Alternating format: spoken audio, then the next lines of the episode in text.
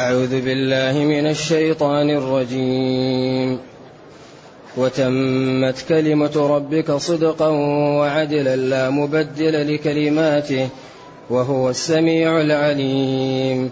وإن تطع أكثر من في الأرض يضلوك عن سبيل الله. إن يتبعون إلا الظن وإن هم إلا يخرصون. إن ربك هو أعلم من يضل عن سبيله وهو أعلم بالمهتدين. فكلوا مما ذكر اسم الله عليه إن كنتم بآياته مؤمنين. وما لكم ألا تأكلوا مما ذكر اسم الله عليه وقد فصل لكم وقد فصل لكم ما حرم عليكم إلا ما اضطررتم إليه وإن كثيرا ليضلون بأهوائهم بغير علم. إن ربك هو أعلم بالمعتدين.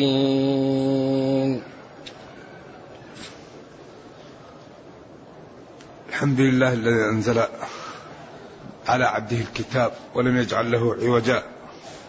والصلاة والسلام على خير خلق الله وعلى آله وأصحابه ومن اهتدى بهداه. أما بعد فإن الله تعالى يبين لخلقه نعمه عليهم وأن هذا الكتاب الذي أنزل عليهم يعني كمل فيه الخير. وتمت كلمة ربك صدقا وعدلا. أو وتمت كلمات ربك صدقا وعدلا. تمت كملت. كلمة وكلمات هي الكلام وكلمة بها كلام قد يؤم. كلا إنها كلمة هو قائلها. رب ارجعوني لعلي أعمل صالحا فيما تركت. والكلمة هنا هو القرآن المنزل على محمد صلى الله عليه وسلم.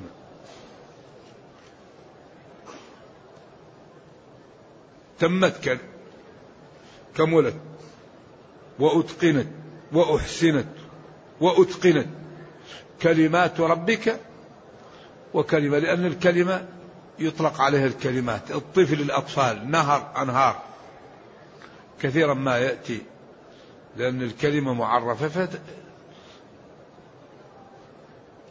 صدقا في الأخبار. قوله الحق كل ما فيه صدق وعدل الأحكام الموجودة فيه غاية في العدل. ولذا إذا نظرنا إلى أحكام القرآن نجدها من أروع الأحكام من أحسن الأحكام. كل ما يحتاج إليه مبين فيه. كل ما تحتاج إليه الأمة مبين فيه. صدق وعدل. وما أخبر فيه واقع. لذلك الكون مصالح مبنية على الحفاظ على ستة أمور. يسميها العلماء الجواهر الستة وبعضهم يقول الجواهر الخمسة. الدين والنفس والعقل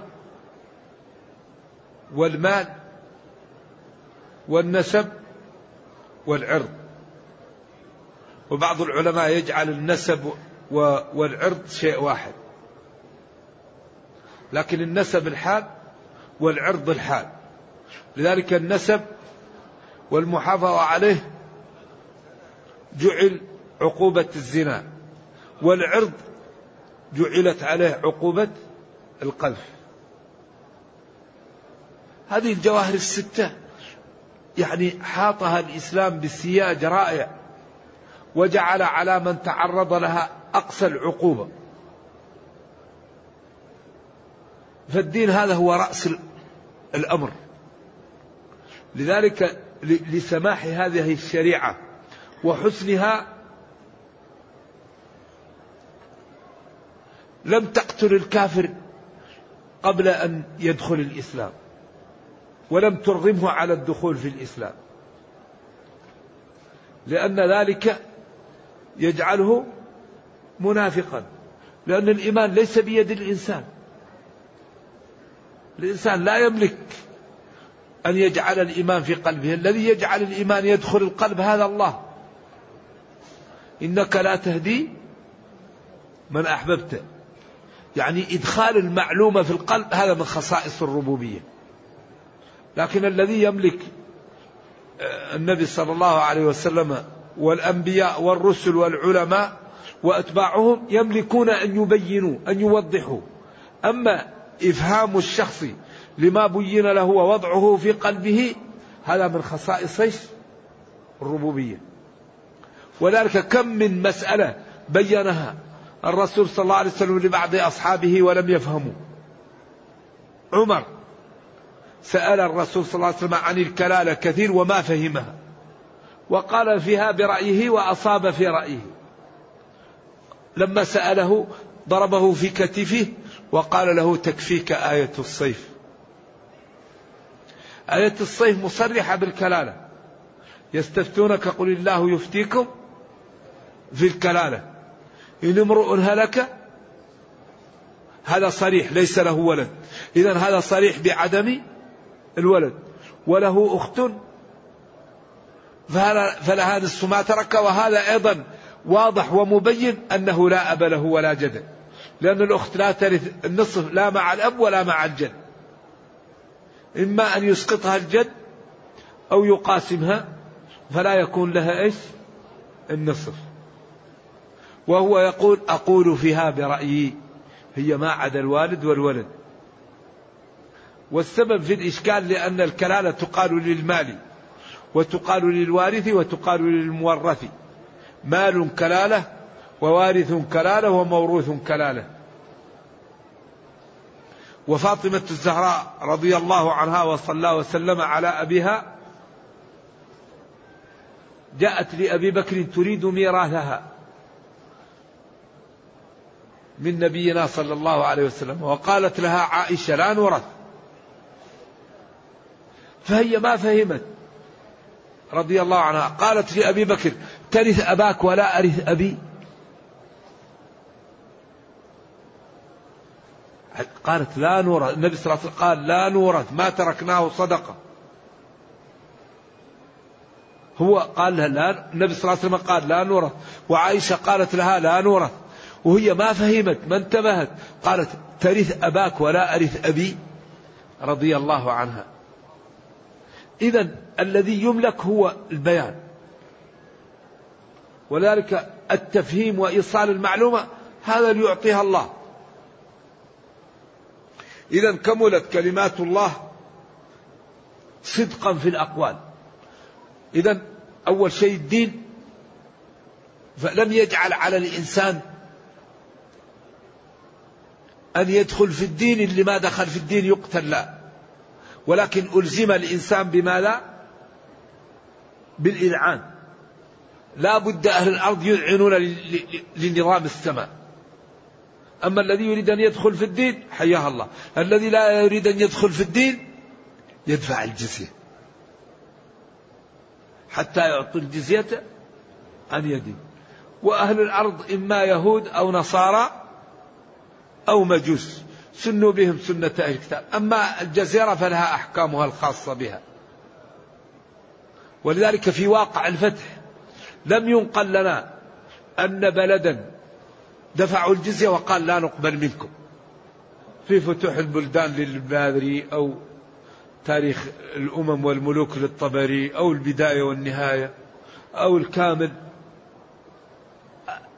كتب التاريخ لم نقف فيها على أن بلدا جاءه المسلمون وبذلوا لهم الجزية وقالوا لا نقبل. لكن عيسى يضع الجزية. والذي نفسي بيده ليبعثن فيكم بن حكما عدلا فلا يكسرن الصليب ولا يضعن الجزية ولا تتركن القلاص فلا يسعى عليها. ما فيه إلا الإسلام. أما هذا الدين أقر الكفار بعد الإذعان و و والقبول بنظام الدين وبقائهم منضوين تحت سلطته قال حتى يعطوا الجزية عن يد أي مواتية والحال أنهم منقادون يعني يعني صاغرون رغما عن أنفس على أنوفهم إذا هذا إقرار لهم على ماذا؟ على الكفر إذا إيش؟ إذا انقادوا. ولذلك الله يقول لا إكراه في الدين. لا إكراه في الدين. وعلى صح الأقوال الآية غير منسوخة. لكن لا يسمح لأحد بالخروج من الإسلام بعد أن يدخل فيه. فقبل أن تدخل في الإسلام فكر. لأن نبينا صلى الله عليه وسلم قال من بدل دينه فاقتلوه. لا يحل دم امرئ مسلم إلا بإحدى ثلاث. زنا بعد إحصان وكفر بعد إيمان. وقتل النفس يعني المعصومة بغير حق عمدا. ثم حافظ على العقل وحرم شرب الخمر والمفتر و جعل من تعرض لفساد العقل عليه الدية كاملة. وجعل أم الخبائث الخمر لأنها تفسد العقل. ثم حافظ على النفس وجعل من أحياها فكأنما أحيا الناس جميعا.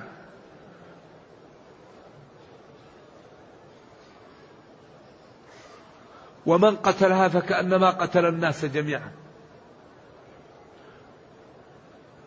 ثم حافظ على الأعراض في حجة الوداع وحرمها وحافظ على أموال الناس وجعل من أخذها بصفة خاصة من مكان خاص عليه القطع. لأن السرقة أخذ المال بطريقة خاصة في وقت خاص من مكان خاص. السرقة صاحبه لا بد أن يأتي في وقت لا يرى. ولا بد أن يأخذ المال من الحرز. ولا بد أن يكون المال قدر معين. ولا بد أن لا يكون فيه شبهة. حتى يتم ماذا؟ القطع. لأن الشريعة رحيمة. ولا تريد القطع وإنما تريد أن يسلم الناس وأن يخاف الناس فتبقى لهذا يده ويبقى لهذا ماله. ولذلك لا يكون القطع في وقت المجاعة لا يكون القطع في الأخذ من غير الحرز. لا يكون القطع في غير ما وصل النصاب. لا يكون القطع في مال لك فيه شبهة. شخص لك.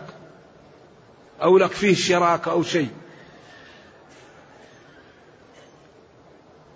ثم أيضا حرم يعني حافظ على الأنساب. وجعل الذي يتعرض للفاحشة إن كان محصنا يقتل وإن كان غير محصن يجلد ويغرب لأن فيه قتلا للأنفس لأن الإنسان الذي لا أب له كأنه ميت. ما له أصول ينسب إليها ووضعه بين الناس وضع يرثى له. فلذلك من قتل نفس هو هذا المحصن فكأنه قتل الأنفس وقد عرف هذا الأمر فعقوبته القتل. إذا حافظ على الدين وحافظ على العقل وحافظ على النفس وحافظ على العرض وحافظ على المال وحافظ على النسب. من انتسب لغير أبيه وهو يعلم فالنار أولى به. ادعوهم لآبائهم. تشريع في غاية الجمال والحسن. وكل شيء مبين وموضح. إذا تمت كلمات ربك صدقا في الإخبار عدلا في الأحكام. جعل القصاص ونهى عن الظلم وجعل العفو أفضل. وأخبر أن القصاص في حياة ونهى عن دخول بيوت الآخرين من غير استئذان. وأمر بغض البصر ومع ذلك أكرأ أمر بالإكرام وبالإيثار ومدح الذين يؤثرون على أنفسهم. ولو كانت لهم حاجة. وأمر بالعفة. وأن من عف يعفه الله ومن تصبر يصبره الله. وأن السؤال يفتح باب للفقر. ما فتح عبد باب مسألة إلا فتح الله عليه باب فقر. وأمر بإعطاء السائل.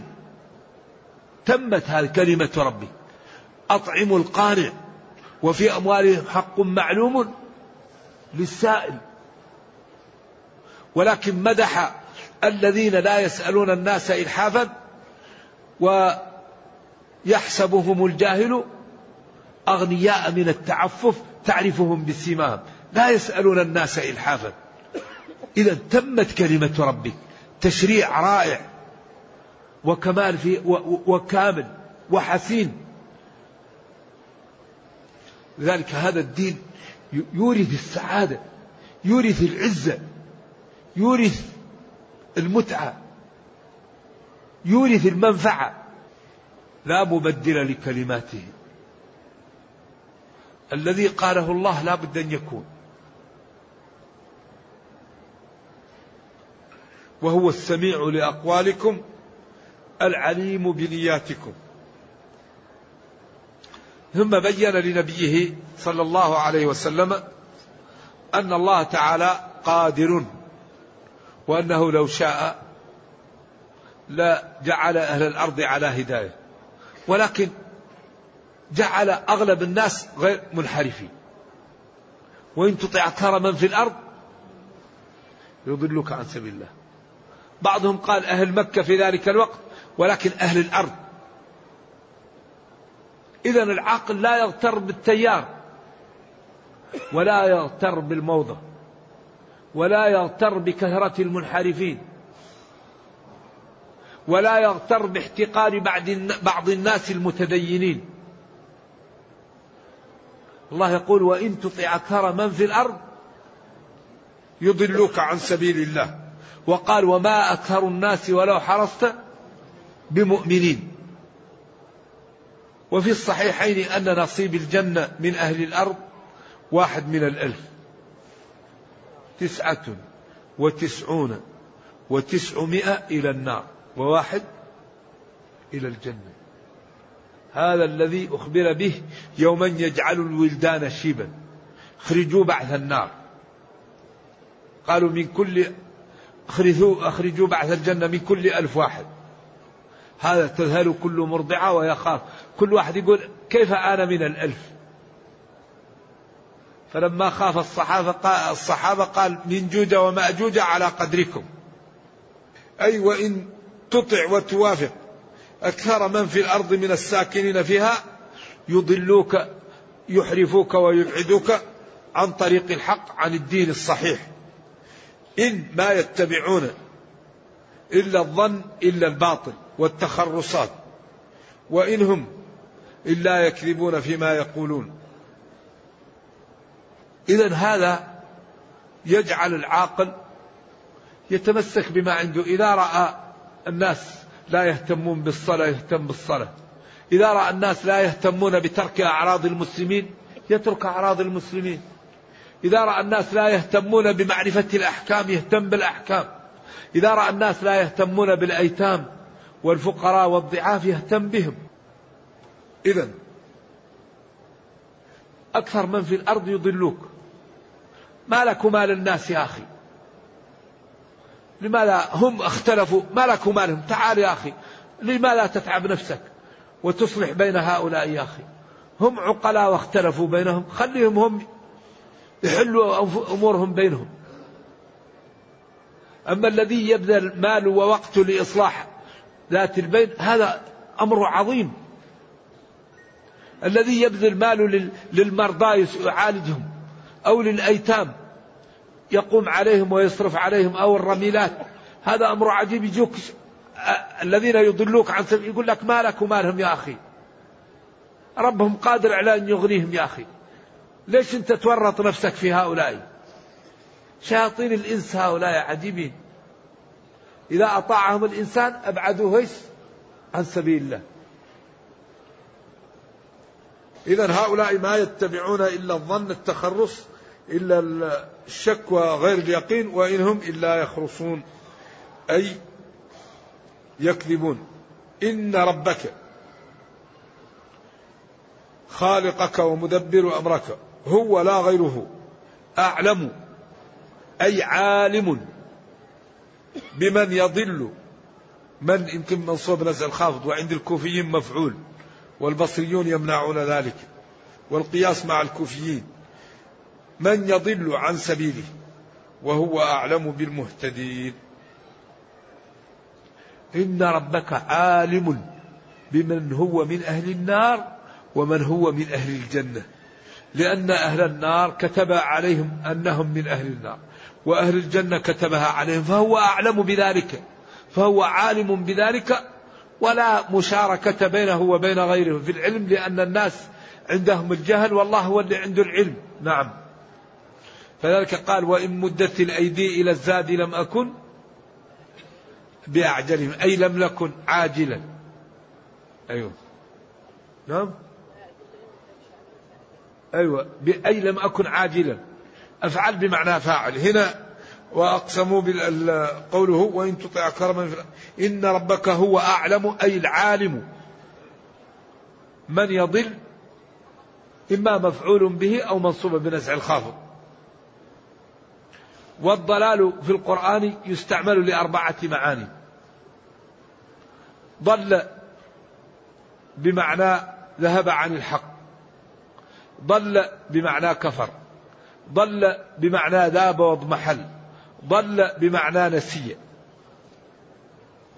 أن تضل إحداهما فتذكر إحداهما الأخرى. ضل بمعنى ذاب واضمحل وقالوا أئذا ضللنا في الأرض. ضل بمعنى ذهب عن الحق قوله أبناء أيوه. أبناء يعقوب ليعقوب. أيوة. إنك لفي ضلالك القديم. أي لفي ذهابك عن الحق. حيث تختار واحدا عن عشرة. أو تظن أن يوسف على قيد الحياة. وضل بمعنى الكفر وهو الضلال المبين. يضلوك أي يبعدوك ويجعلوك في الكفر. نعم. عن سبيل الله أي طريقه التي توصل إليه وهو الدين الحق الذي دعت إليه الرسل وتركنا فيه على البيضاء ليلها كنهارها. إن ربك جل وعلا هو العالم بمن يضل عن سبيله وهو أعلم بالمهتدين. هذه الآية تتكرر في القرآن كثير أي إن ربك يعلم المتقين ويعلم المجرمين. وهو الذي كتب على هؤلاء الجنة وكتب على هؤلاء النار. فريق في الجنة وفريق في السعير. كل القرآن هذا. أنعمت عليهم غير المغضوب عليهم ولا الضالين. هدى للمتقين وبعدين إن الذين كفروا وبعدين ومن الناس من يقول آمنا بالله وباليوم الآخر. فالقرآن يبين المتقين والمجرمين ويبين أن المتقين ثلاث درجات والمجرمين درجتان. كافر ومنافق في أول سورة البقرة. أما المسلمون ثلاث درجات ظالم لنفسه ومقتصد وسابق بالخيرات. ثم أورثنا الكتاب الذين اصطفينا من عبادنا فمنهم ظالم لنفسه. انظروا ما أجمل هذه الشريعة وما أحسنها وما أكثر تشجيعها لأتباعها في الدخول في الإسلام. فمنهم ظالم لنفسه. ظالم لنفسه الذين خلطوا عملا صالحا وآخر سيئا. ومنهم مقتصد لا يقصر في الواجب. ولا يفعل الحرام لكن لا يفعل المندوبات ولا المسنونات ولا يترك المكروهات. اقتصد. خلاص الواجب نفعله الحرام نتركه المكروه يعمله المندوب ينام عنه. ومنهم سابق بالخيرات من يفعل الواجب والمسنون ويترك ويترك الحرام والمكروه. قال العلماء في هذه الواو جنات عدن يدخلونها حق لهذه الواو أن تكتب بماء العينين بماء الذهب. جنات عدن يدخلونها. قال العلماء قدم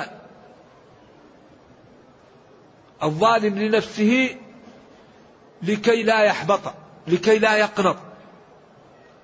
لأنه مسكين ظالم لنفسه فقدمه لكي لا يقنط من رحمة الله. وأخر السابق للخيرات لكي لا يغتر بعمله فيحبط. قدم هذا خوفا عليه من القنوط وأخر هذا خوفا عليه من الغرور وأن يحبط عمله. وقال جنات عدن يدخلونها. إذا ربنا كريم والجنة أبوابها ثمانية. وهذا الذي أخبر الله أنه ظالم لنفسه قدمه وقال جنات عدن يدخلونها. ربنا كريم. إذا لا تضيقوا واسعا. لا تضيقوا واسعا. ربنا كريم. يعطي الجميع المشكلة الكبيرة العظيمة والداء العضال من مات على الكفر. هذه الكارثة. من مات ووافته منيته على غير الإيمان هذه المشكلة. لذلك ينبغي لكل واحد منا أن يجتهد حتى يأتيه الموت على لا إله إلا الله على الإيمان. لأن من كان آخر كلامه لا إله إلا الله دخل الجنة. من كان آخر كلامه لا إله إلا الله دخل الجنة. إذا يحاول العبد أن يجتهد على أن يعود لسانه إيش؟ لا إله إلا الله. عود لسانك فعل الخير تحظى به. إن اللسان لما عودت يعتاد. إذا هذه الآية كما ذكرت تبين أحوال أهل الأرض. مسلم كافر. المسلم ظالم لنفسه ومقتصد والكافر يعني من منافق وكافر صريح. كما قال إن الذين كفروا وقال ومن الناس من يقول آمنا. ثم هناك أجمل المؤمنين هدى للمتقين الذين يؤمنون بالغيب ويقيمون الصلاة. وهؤلاء منهم الظالم ومنهم المقتصد ومنهم سابق بالخيرات. ثم قال وهو أعلم بالمهتدين. فكلوا. وهو أعلم بالمهتدين. فكلوا. لأن المهتدين إيش؟ للاهتداء يأكلوا مما ذكر اسم الله عليه. مو لأن الاهتداء من أسبابه الطاعة. كما قال سها فسجد.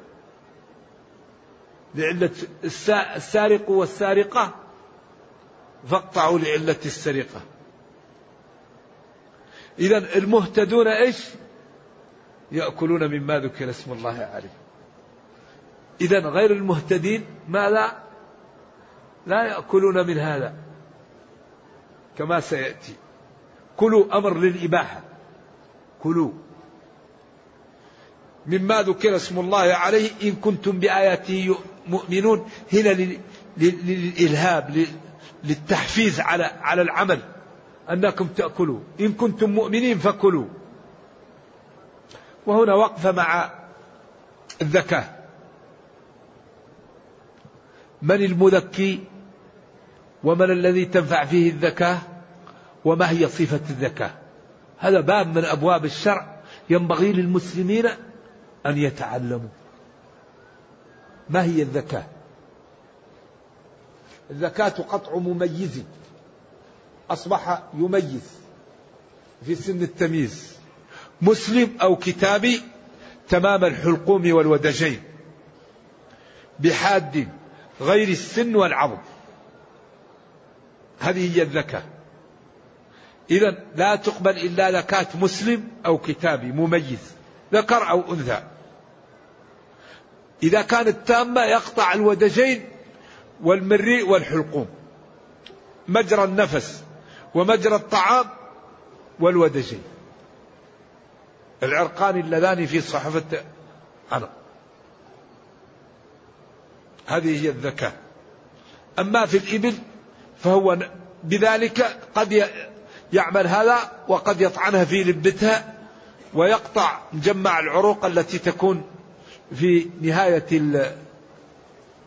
الرقبة ويقال له النحر.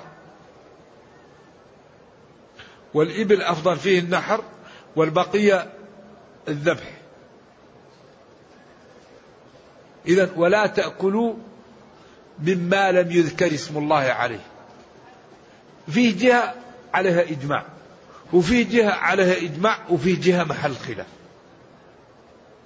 الذكاة الدابة الذي سمي عليها. وكان المذكي مسلما أو كتابيا تؤكل. وهو أن يذبحها المسلم ويقول بسم الله. هذه تؤكل بالإجماع. الذي ذبحها. من سمى عليها غير الله من الكفار؟ قال باسم اللات أو باسم العزى لا تؤكل بالإجماع. ولا تأكلوا مما نعم.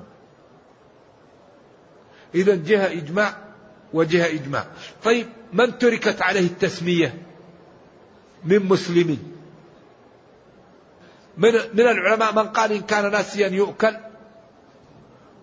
وإن كان عامدا لا يؤكل. ومنهم من قال إن كان تارك التسمية مسلم تؤكل. وهذا اختيار الشافعي. التذكية تنفع في الأنعام. وما هو من الأنعام؟ وحوشا كالظباء وبقر الوحش والوعول وأنواع الوحوش. والحمر غير الإنسية أيضا تؤكل حمار الوحش.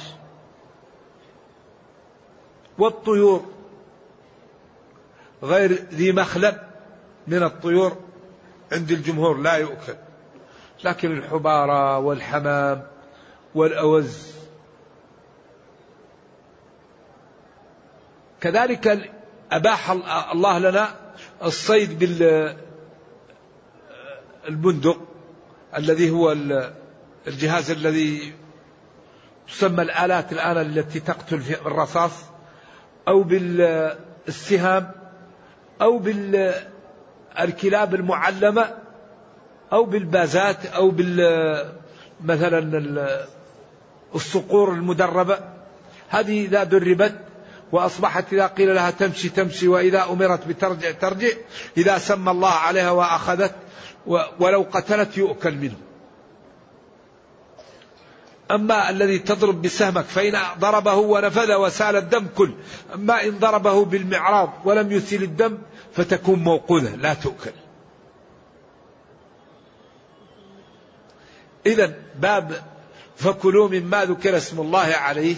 هذا باب وهو باب الذكاء وهو باب من أبواب الفقه والشريعة. ينبغي أن نعلم ما الذي تصح ذبيحته وما يعني الحيوانات التي تنفع فيها الذبيحة. بعض الحيوانات لا تنفع فيها الذبيحة. الخنزير لو ذبحته ولذلك قال ولحم الخنزير. لا يطهر لا يؤكل. في شيء لا يحتاج إلى الذبح مثل السمك والجراد. على أصح الأقوال. أن الجراد لا يحتاج تذكية وعند مالك يذكى بما ينوى به قتله. لكن أحلت لنا ميتتان ودمان.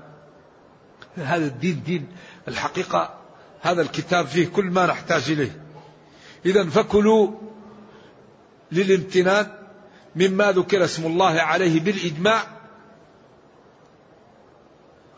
ولا تأكلوا مما لم يذكر اسم الله عليه بأن ذكر عليه اسم غير الله بالإجماع وما تركت فيه التسمية سواء إن كان خطأ ففيه خلاف وإن كان عمدا من المسلم أيضا فالجمهور قالوا لا يؤكل والشافعي في المشهور عنده قال يؤكل واستدل هؤلاء الذين قالوا بأن متروك التسمية يؤكل بحديث عائشة أنها قالت يأتينا لحمان من البادية من, من أناس عد جديدي عهد بالإسلام. ولا ندري هل سموا الله على الذبيحة أم لم يسموا. فقال سموا الله وكلوا. سموا الله وكلوا. ولذلك ابن العربي قال والله لو رأيت الكتابية يسل عنق الدجاجة لأكلتها. ويعني روى هذا عن بعض السلف.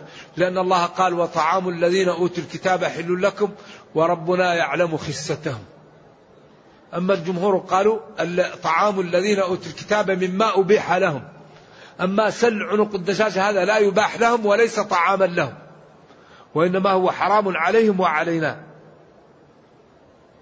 ومع الأسف أن كثيرا من المسلمين الآن لا يعتني بالأكل الحلال مما يسبب قسوة للقلب وردا للدعاء. فينبغي لكل مسلم فتجد كثيرا من المسلمين إذا رأى أي أكل يأكله وبعض اللحوم التي تأتي من بعض البلدان يعني ينبغي أن يتنبه منها لأن بعض البلدان الغير مسلمة إذا لم يرسل ناس يشرفون على الذبح فهم أكثر ما يعملون الصعق لأنه أقل تكلفة. الذبح بالطريقة الإسلامية مكلف. يتطلب ناس يباشرون. أما المكائن فهي أخف كلفة والناس يريدون الربح.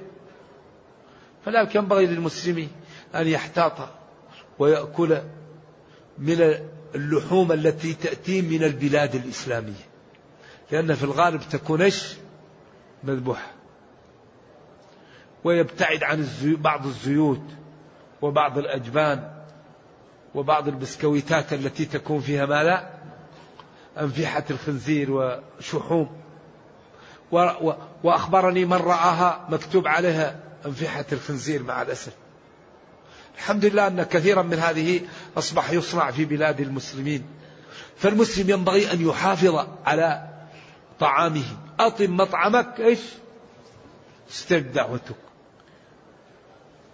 ثم قال جل وعلا وما لكم ألا تأكلوا مما ذكر اسم الله عليه وقد فصل لكم ما حرم عليكم إلا ما اضطررتم إليه. ما لكم؟ ما الذي يمنعكم أن تأكلوا مما ذبح بالطريقة الشرعية؟ وقد بين لكم ربكم ما حرم عليكم إلا ما اضطررتم إليه. كما قال قل لا أجد فيما أوحي إلي محرما على طاعم يطعمه إلا أن يكون ميتة أو دما مسوحا أو لحم خنزير فإنه رجس أو فسقا إلا لغير الله به. على أصح الأقوال هنا. وإن كثيرا من هؤلاء لا يضلون أو لا يضلون أضل وضل بأهوائهم بميولاتهم الفاسدة لأن الهوى ما يكون في القلب وغالبا يطلق على الغير محمود ولذلك قال ابن دريد وآفة العقل الهوى. فمن علا على هواه عقله فقد نجا. بغير علم يعني لأن الهوى دائما يكون بالشهوة ما هو بالعلم. إن ربك هو العالم أعلم بالمعتدين. وهذا فيه تهديد لهؤلاء الذين لا يمتثلون شرع الله تعالى. نرجو الله جل وعلا أن يرينا الحق حقا. ويرزقنا اتباعه وأن يرينا الباطل باطلا ويرزقنا اجتنابه وأن لا يجعل الأمر ملتبسا علينا فنضل. سبحان ربك رب العزة عما يصفون وسلام على المرسلين والحمد لله رب العالمين والسلام عليكم ورحمة الله وبركاته.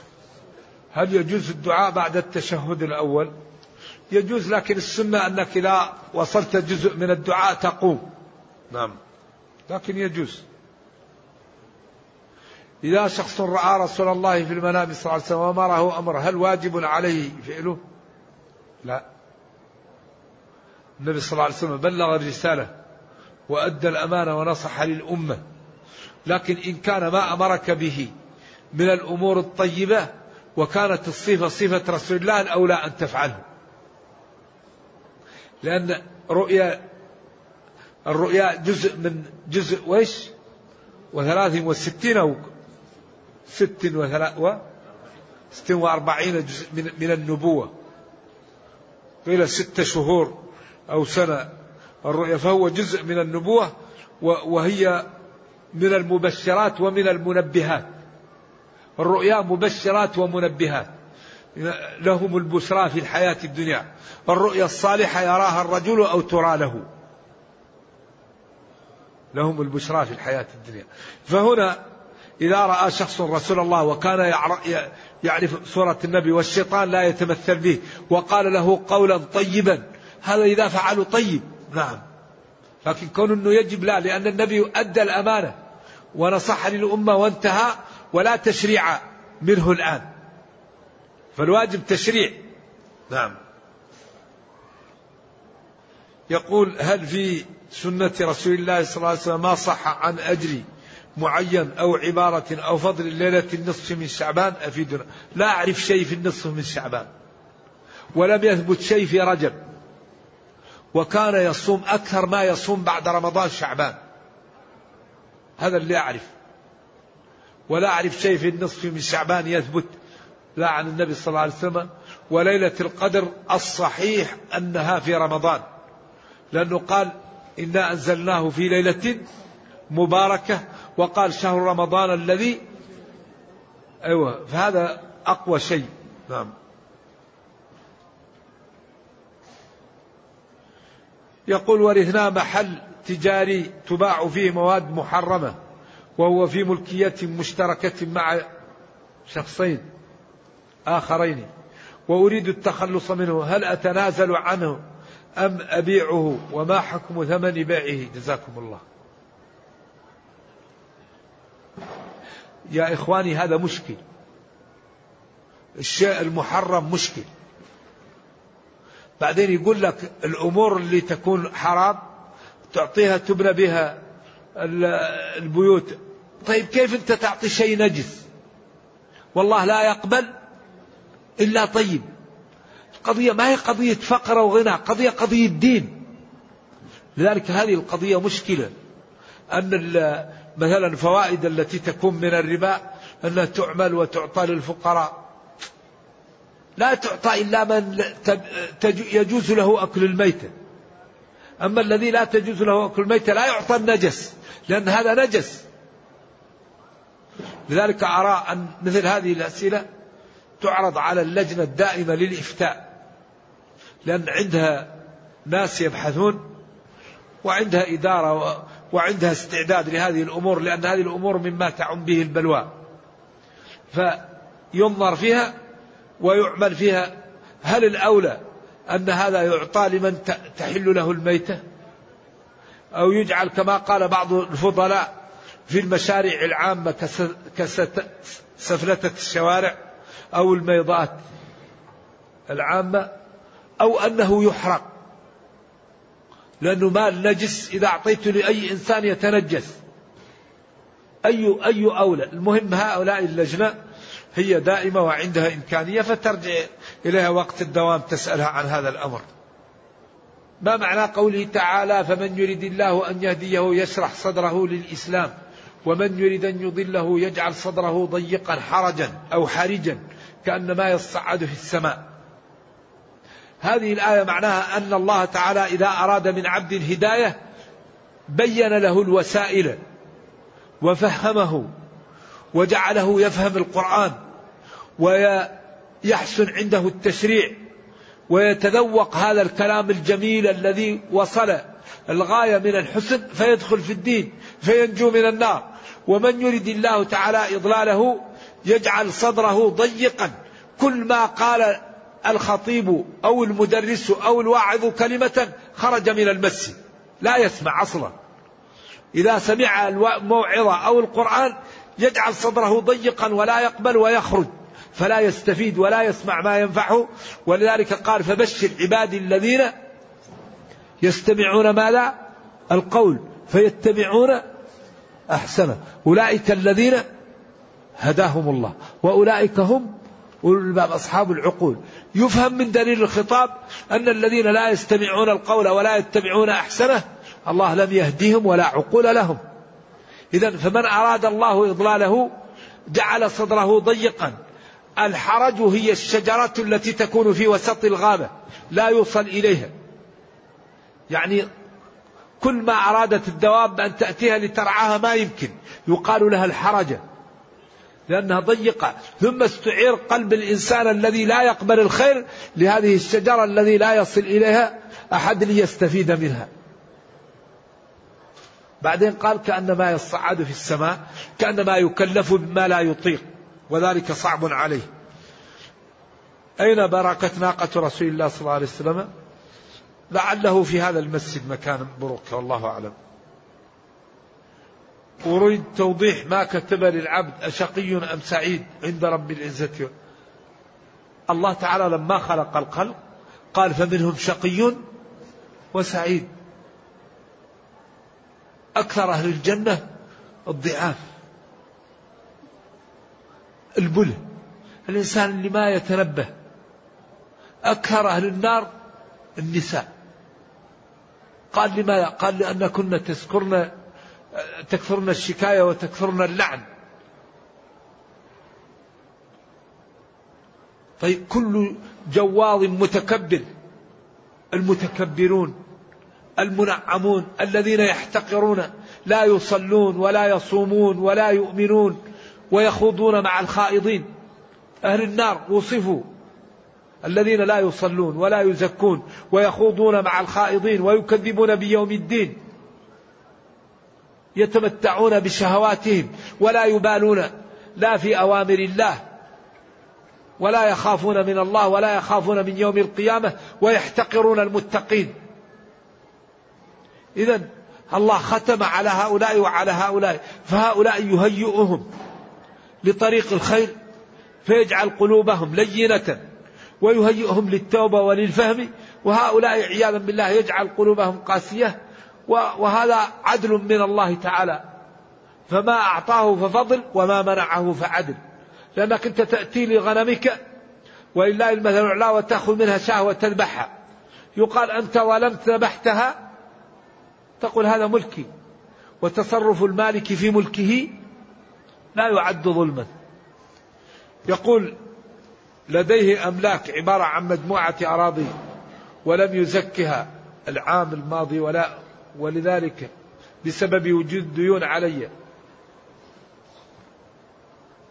وأهل هذه الديون يطالبونني أفيدني. لا بد إذا حل الحول أن تزكي المال.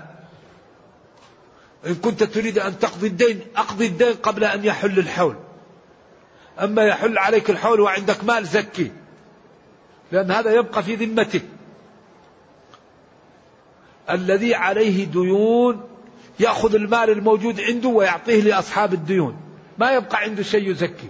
أما تأخذ الديون وتأخرها حتى يحل الحول أدفع لمال الديون وادفع دين الله. فدين الله أحق بالقضاء.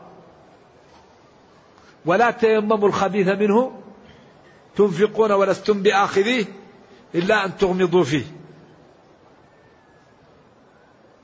يقول رجل يستهزئ بالدين ويستهزئ بصاحب اللحية. وينصح ولا يكف عن ذلك. هل يهجر؟ هذا رجل يريد أن يسأل كثير الله يسامحه. على كل حال الذي يستهزئ بالدين هو الذي يسمى في زمن النبي صلى الله عليه وسلم منافق. وفي هذا الزمن يسمى الزنديق الذي يستهزئ بشرع الله. فهذا الشخص ينبغي أن يراعى ويكرم وينصح فإن لم ينفع فيه الإكرام ولا النصح يتجنب. تجنبه. نعم. تجنبه. أما يقول آه الذي في مسجد النبي صلى الله عليه وسلم لا يمر بين يدي المصلي. أما في مكة ففي المسجد الحرام فالأمر سهل. أما هنا فلا يمر إلا إذا لم تجد طريق أو كنت عندك مضطرا. إذا لم تجد طريق ويعني صلى لك في الطريق وما لك طريق. أو كنت مضطرا للخروج لأمر مهم. أما إذا لم تكن مضطر ولم تصلي في الط... لم يصلي في الطريق فلا تمر بين يديه. هل يجوز أن يقال عن تحريف التوحيد إفراد الله بالعبادة؟ نعم. هذا تعريف الألوهية. إفراد الله بالعبادة. العبادة كلها أن تفرد الله بالعبادة لا تشرك معه غيره هذا التوحيد إيش؟ الألوهية. أما توحيد الربوبية فتعلم أن ما في الكون من الله. أما توحيد الأسماء والصفات فتصدق الله وتنزهه وتقطع فكرك عن إدراك الكيفية. نعم هذا ما في. إفراد الله تعالى بالعبادة. إفراد تفرد الله بالعبادة سواء كانت قلبية أو مالية أو بدنية. لا تشرك فيها السمعة. لا تشرك فيها المنصب. لا تشرك فيها المال. نعم.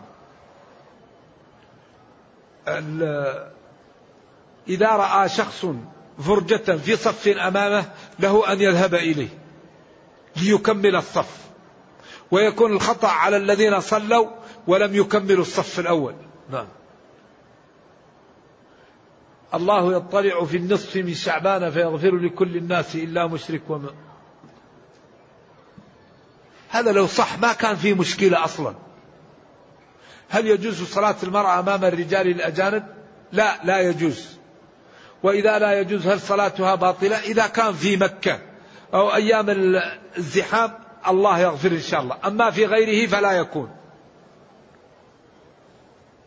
الكذب لا شك أنه عمل خسيس. لو بينت لنا أحكام السجود السهوي مرة أخرى إن شاء الله. النصراني إذا قال على الذبيحة باسم الصليب لا تؤكل.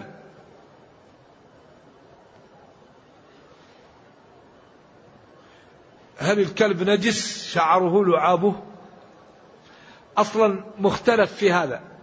فمالك وابن المنذر وجماعة من العلماء قالوا أصلا لعاب الكلب الغسل منه تعبدي. لأنه لا تعلم عبادة تغسل سبعا.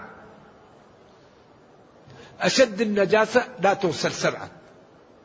إذا قالوا وعفروه أولاهن وأخراهن بالتراب. قالوا هذا من باب الفيروس الموجود في لعاب الكلب وهو فيروس الكلب. وكثير من العلماء قال هذا لنجاسته. ولا شك أن الكلب هو دابة مستقذرة ولا يعني ينبغي أن تكون إلا لحاجة حرس أو صيد أو يعني ماشية.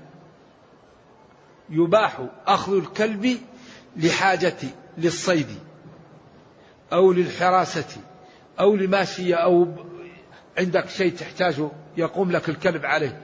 أما تأخذ الكلب لأن تربيه بس هكذا. هذا لا يفعله المسلم. هذا أخاف أن يكون تشبه بغير المسلمين. الكلب لا يعمل إلا للحراسة. وهو نجس وفيه من الأمراض ما لا يعلمها إلا الله. بخلاف الهرة فإنها من الطوافين أو الطوافات عليكم. ففي البيوت لا ضرر فيها إلا قليل جدا في فضلاتها. ولذلك لما كان في فضلاتها ضرر أصبحت تذهب بها وتبعدها سبحان الله. حكمة تدبير من الله. بخلاف الكلب فإنه نجس وقذر ولا ينبغي أن يأخذه المسلم إلا لهذه الأمور المباحة. ولذلك ينقص من, من أجر المسلم إذا رب الكلب أجر قراض نعم نكتفي بهذا. السلام عليكم.